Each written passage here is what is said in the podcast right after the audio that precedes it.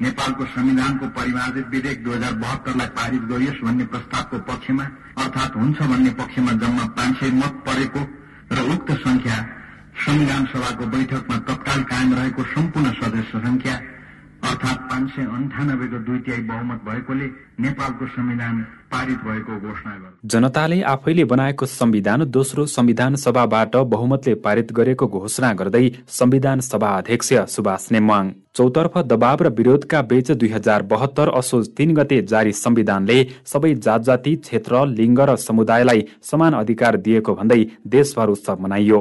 संघीयता धर्मनिरपेक्षता गणतन्त्र र समावेशितालाई संविधानको खम्बा भनेर व्याख्या गरियो। तर संविधान जारी भए यता आम जनताले नचाहेका परिदृश्य दोहोरिएका छन्। संविधान जारी भए लगत्तै मधेस केन्द्रीय दलहरूले सुरु गरेको आन्दोलन र भारतको अघोषित नाकाबन्दीले मुलुकको अर्थतन्त्र मात्र होइन दैनिकी समेत छ महिनासम्म ठप्प प्राय भयो।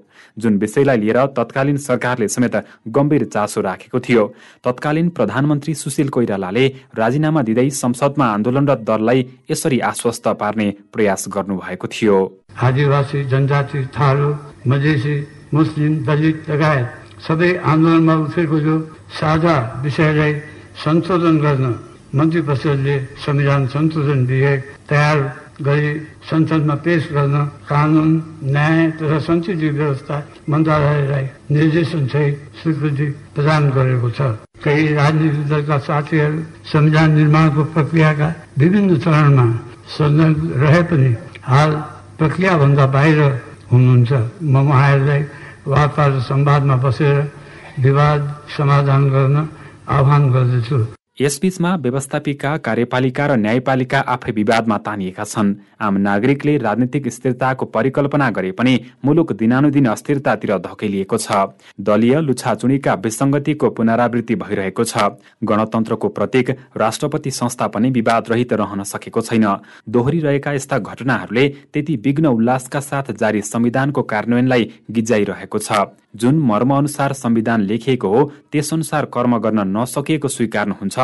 नेकपा एमाले सांसद डाक्टर बिन्दा पाण्डे। संविधानले जुन मर्म बोकेको छ र जुन कुरा यसले माग गरेको छ त्यो तहमा चाहिँ काम हुन सकेको छैन भन्ने नै लाग्छ।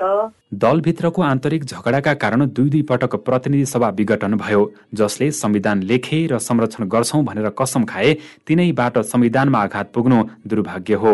संविधान जारी भएपछि व्यवस्था फेरियो तर नेता र नेतृत्वमा कायम संस्कार भने जस्ताको तस्तै रह्यो। जनताको समस्या र दुःख भन्दा नेताको स्वार्थ र दलको भविष्य पहिलो प्राथमिकतामा पर्दै आएका छन्। राष्ट्रिय सभा सदस्य रामनारायण बिडारी कार्यपालिकाले न्यायपालिकालाई खेलाउन थाल्यो कार्यपालिकाले व्यवस्थापिकालाई भङ्ग गर्न थाल्यो विघटन गर्न थाल्यो जसको कारणले गर्दा संविधान कार्यान्वयनमा तीन तहको सरकार सञ्चालन गर्ने कार्यक्रममा बाधा र अडचन हुन संविधान जारी भएको छ वर्षमा पनि आन्दोलनमा होमिएका जनतादेखि दुई छाक जोर्न दिनभर पसिना बगाउने नागरिकले प्राप्त उपलब्धि प्रत्यक्ष अनुभव गर्न भने पाएका छैनन्। जनताले जनताका लागि लेखिएको भनिए पनि संविधान आफू अनुकूल बनाउँदै हालिमुहाली गर्नेको जमात ठुलै छ। संघीय लोकतान्त्रिक गणतन्त्रात्मक मुलुकमा सिंहदरबार गाउँ गाउँ पुगे पनि श्री तीनहरूले समेत आँगन टेक्दा जनताको मर्का भने तिउ छ संविधानले दिएका व्यवस्थालाई शत प्रतिशत कार्यान्वयन गर्न हरेक क्षेत्रमा परिवर्तन आवश्यक रहेको बताउनुहुन्छ। राष्ट्रिय सभा सदस्य बिणारी। अध्यादेशबाट सरकार नचलाउने विधेयकहरू पास गरेर मुलुक चलाउने न्यायपालिकामा हस्तक्षेप नगर्ने गरियो भने र यसरी चाहिँ यो संविधानलाई कार्यान्वयन गर्दै लैजाने कुरा हो। जनताको हितका खातिर संविधानमा मौलिक हकका रूपमा अनेकौं प्रावधान राखिएको छ। तर पनि संविधानले पूर्ण रूपमा सबै क्षेत्रका जनताको भावनालाई आत्मसात नगरेको भन्दै संशोधन गर्नुपर्ने आवाज पनि जारी भएकै दिनबाट उठिरहेको छ। तर गतिशील दस्तावेज भएर पनि असन्तुष्ट पक्षको माग भने सम्बोधन हुन सकिरहेको छैन। संविधानको प्रतिरक्षाको जिम्मेवारी दलहरूले लिनुपर्छ। संविधानको लागि नागरिकले जसरी सडक आन्दोलन गर्नु परेको थियो कार्यान्वयनमा त्यसरी आन्दोलन गर्नु पर्यो भने त्यो त जग हँसाई भएन र बेलैमा सोच्ने हो कि। रेडियो क्यान्डिडका लागि राजेश रम्तेल।